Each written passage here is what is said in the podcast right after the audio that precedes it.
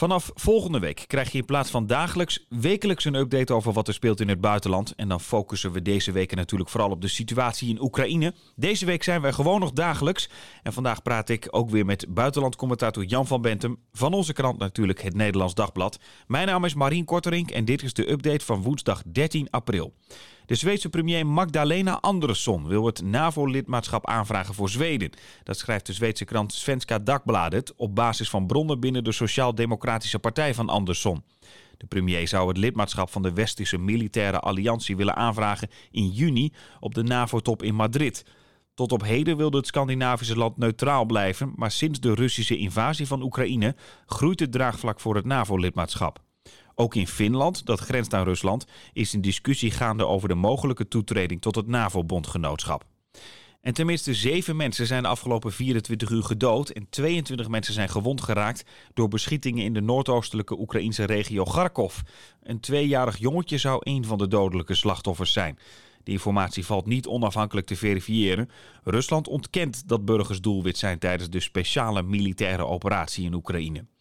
Ja, Jan, met jou wil ik graag praten over een vraag die binnen is gekomen van een luisteraar. Erwin en Hiddo hebben eigenlijk een beetje dezelfde soort vraag. En die gaat over de luchtmacht van Oekraïne.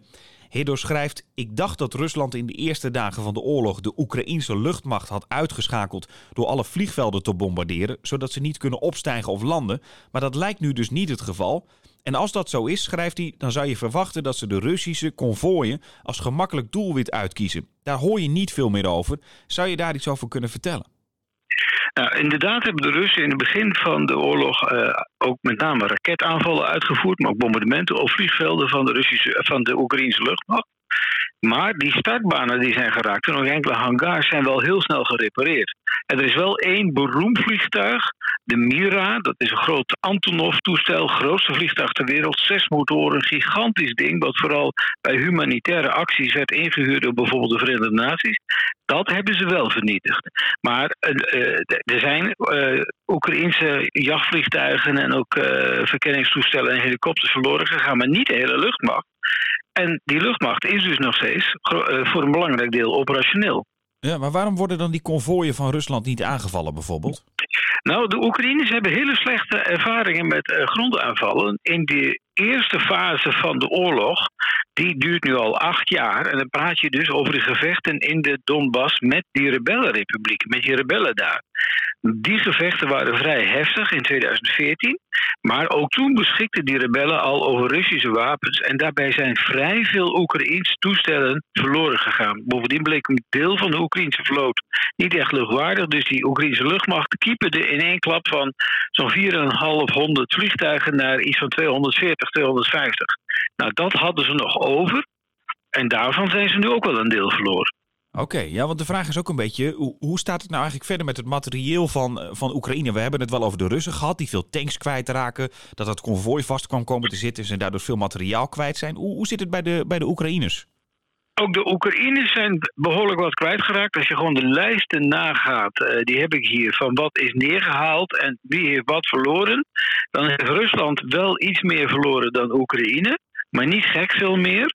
Uh, bij Oekraïne zijn er vooral MiG-29 die zijn neergeschoten, een stuk of tien. Uh, en dan nog eens een stuk of negen Sukhoi-jachtbommenwerpers. Uh, dus dat zijn ze kwijt. Rusland is in die categorie echt veel minder verloren. Dan hebben we het, de cijfers tot en met um, eind vorige week of midden vorige week. Dat zijn de laatste cijfers die je kon vinden. Dan heb je het bij de Russen over uh, zeg maar de jachtbommenwerpers en jachtvliegtuigen over een stuk of 16. Dus dat, eh, dan zijn de, uh, de Oekraïners hebben hardere verliezen geloren, maar, de Russen zijn weer veel helikopters kwijtgeraakt. Uh, die zijn heel kwetsbaar, met name de KA-50-52. Dat is een helikopter met twee wiekstellen boven elkaar, zodat die goed gestabiliseerd vliegt. En die wordt veel gebruikt bij grondaanvallen. En is daardoor kwetsbaar voor luchtafweerraketten. Nou, dat zie je dus ook in de cijfers terug. Daarvan is Rusland er zes kwijt en dan nog eens een stuk of bij elkaar tien uh, andere uh, helikopters. Ja, en zou je dan overal kunnen zeggen dat de, dat de verliezen ongeveer gelijk lopen? Of is dat wel echt uh, nou, als je, kant op? Ja, nee. Het, het, wat dat betreft gaat vrij gelijk op. je ziet ook dat Rusland lang niet heel zijn luchtmacht heeft ingezet. er is een vergelijking gemaakt, ook redelijk in het begin van de oorlog, door bijvoorbeeld de Independent, maar ook andere van wat hebben ze nou? En nou ja, dan zie je dat de Russen gewoon veel, veel meer hebben. Als we het even belangs gaan, bijvoorbeeld dan had uh, Oekraïne aan het begin van deze fase van de oorlog zo'n 210 inzetbare vliegtuigen, waarvan 98 gevechtstoestellen. En de Russen die hebben 3860 vliegtuigen, waarvan 15 keer meer jachttoestellen dan Oekraïne heeft. Dus de, de, de verhouding tussen die luchtmachten is volstrekt ongelijk. Nou, de, Russen zijn er dan een stuk of 29 uh, eh, vliegtuigen kwijtgeraakt en nog 29 helikopters in totaal en, en zeven uh, andere eenheden. Denk aan uh, verkenningsdrones, gewapende drones. Maar ja, dan heb je het ook over bijvoorbeeld de marine. Rusland kan 74 oorlogsschepen, 51 op de zee inzetten. Oekraïne twee oorlogsschepen. En dan nog oude ook. Dus dat, hey, daar, daar is de verhouding helemaal uit balans. Ook op de grond zou de verhouding uit balans zijn als Rusland al zijn troepen inzet. Maar Rusland heeft zo'n 175 tot 1000 tot 190.000 militairen, inclusief tanks, eh, panzervoertuigen, je noem het maar op, ingezet in Oekraïne. En daarvan, dat was het laatste nieuws van morgen, zegt het Pentagon, is nog zo'n 80% over. Met andere woorden, ze hebben 20% daarvan verloren. Dat is vrij veel. Nou hebben we het over eh, de, de, het materiaal van Oekraïne versus Rusland. Aan de andere kant kan ik zeggen, Oekraïne krijgt natuurlijk ook wapens vanuit de NAVO, ja. uh, et cetera. Nou, en dat is dus ook een reden waarom bijvoorbeeld die luchtmacht iets minder actief is. Uh, bijvoorbeeld in, in aanvallen op tanks moet je heel dichtbij komen. Uh, dan ben je heel kwetsbaar voor luchtafweergeschut. En dat hebben de Russen en dat is goed spul. Maar de Oekraïners hebben het ook. En dat is met name waarom zoveel Russische toestellen verloren zijn gegaan. Er zijn er ook al neergeschoten hoor, in luchtgevechten. De Oekraïnse piloten weten erg goed om te gaan met hun op zich vrij oude MiG-jachttoestellen. Uh, maar uh, de, de, de Britse wapens met name zijn heel dodelijk tegen tanks gebleken. De, de, uh, en ook tegen vliegtuigen, de Starstreak bijvoorbeeld. Uh, dan heb je nog de Amerikaanse Javelins hè, tegen tanks. Nou, zo heb je nog een aantal van dat soort systemen. En die zijn modern en erg efficiënt, erg doeltreffend. Ja. We moeten het ook nog even hebben over de Amerikaanse president Biden. Die heeft de Russische invasie van Oekraïne voor het eerst een genocide genoemd. Ja, dat is. Uh, daar ga je grens over. Um, want er is een bepaling, uh, in, zelfs in wet vastgelegd door het congres, hè, na ook de genocides in Rwanda en dergelijke en in Darfur, dat wanneer je het woord de genocide gebruikt in de bepaling van een conflict, er de verplichting bestaat om op te treden. Dus dat Biden nu als president het woord genocide in de mond heeft genomen, zou betekenen dat hij meer uh, actie moet ondernemen dan tot nu toe is geweest. Nou, dan zou je kunnen denken aan nog meer offensieve wapensystemen, want nog steeds gaat, is de Verenigde Staten niet van plan om uh, wat dan heet boots on the ground, dus echt troepen in te zetten in Oekraïne zelf. Maar wist hij dat, dat, dat, dat er, als je dat woord zegt, dat er dan dit bij komt kijken? Nou, dit speelde heel erg al tijdens uh, ook de Obama-regering, uh, waar hij vicepresident was. Denk aan de gifgasaanval in Syrië. Uh, die was in, redelijk in het begin van de oorlog op Douma met heel veel burgerslachtoffers. Ehm, dan, ja, dat, dat wist Biden wel degelijk. Dat, daar heeft hij aan die discussies deelgenomen. Dus hij weet de implicaties van het gebruik van het woord genocide. Daarom wilde hij dat eerder ook niet doen. In wat voor context heeft hij dat dan nu gebruikt? Nou, achter de schermen misschien wel, omdat er een aantal dingen zijn gebeurd.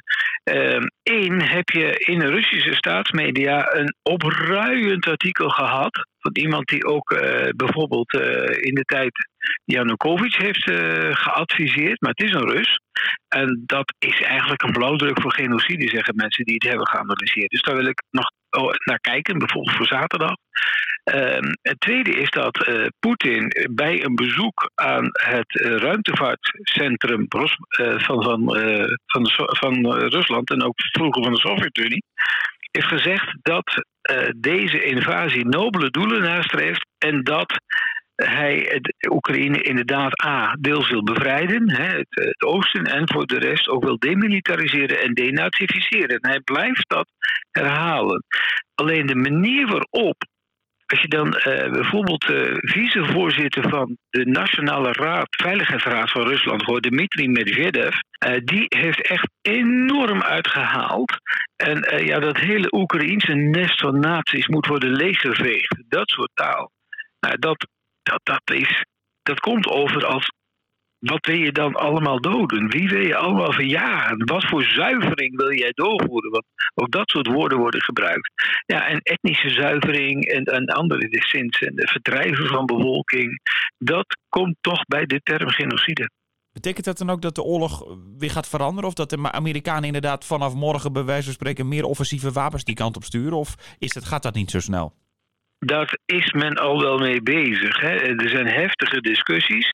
Ook bijvoorbeeld uh, richting Duitsland. Van stuur nou alsjeblieft wat uh, Marder, uh, panzervoertuigen en Leopard tanks die we nog hebben. Um, de Duitse president Steinmeier wou nog naar Zelensky toe. Maar die zegt je hoeft niet te komen als je dat spul niet meeneemt. ja, er is een enorme behoefte. Want Oekraïne als dat zich opmaakt voor de, de slag die in het oosten komt, de slag om de Donbass, die echt nog moet beginnen, dat wordt groter, heviger, verwacht men dan wat we tot nu hebben meegemaakt. We blijven het natuurlijk volgen. Jan, dank je wel voor nu en we spreken elkaar morgen weer. Heb je een vraag voor Jan of wil je reageren? Dat kan via oekraïne.nd.nl en een nieuwe update staat morgen om 4 uur weer voor je klaar.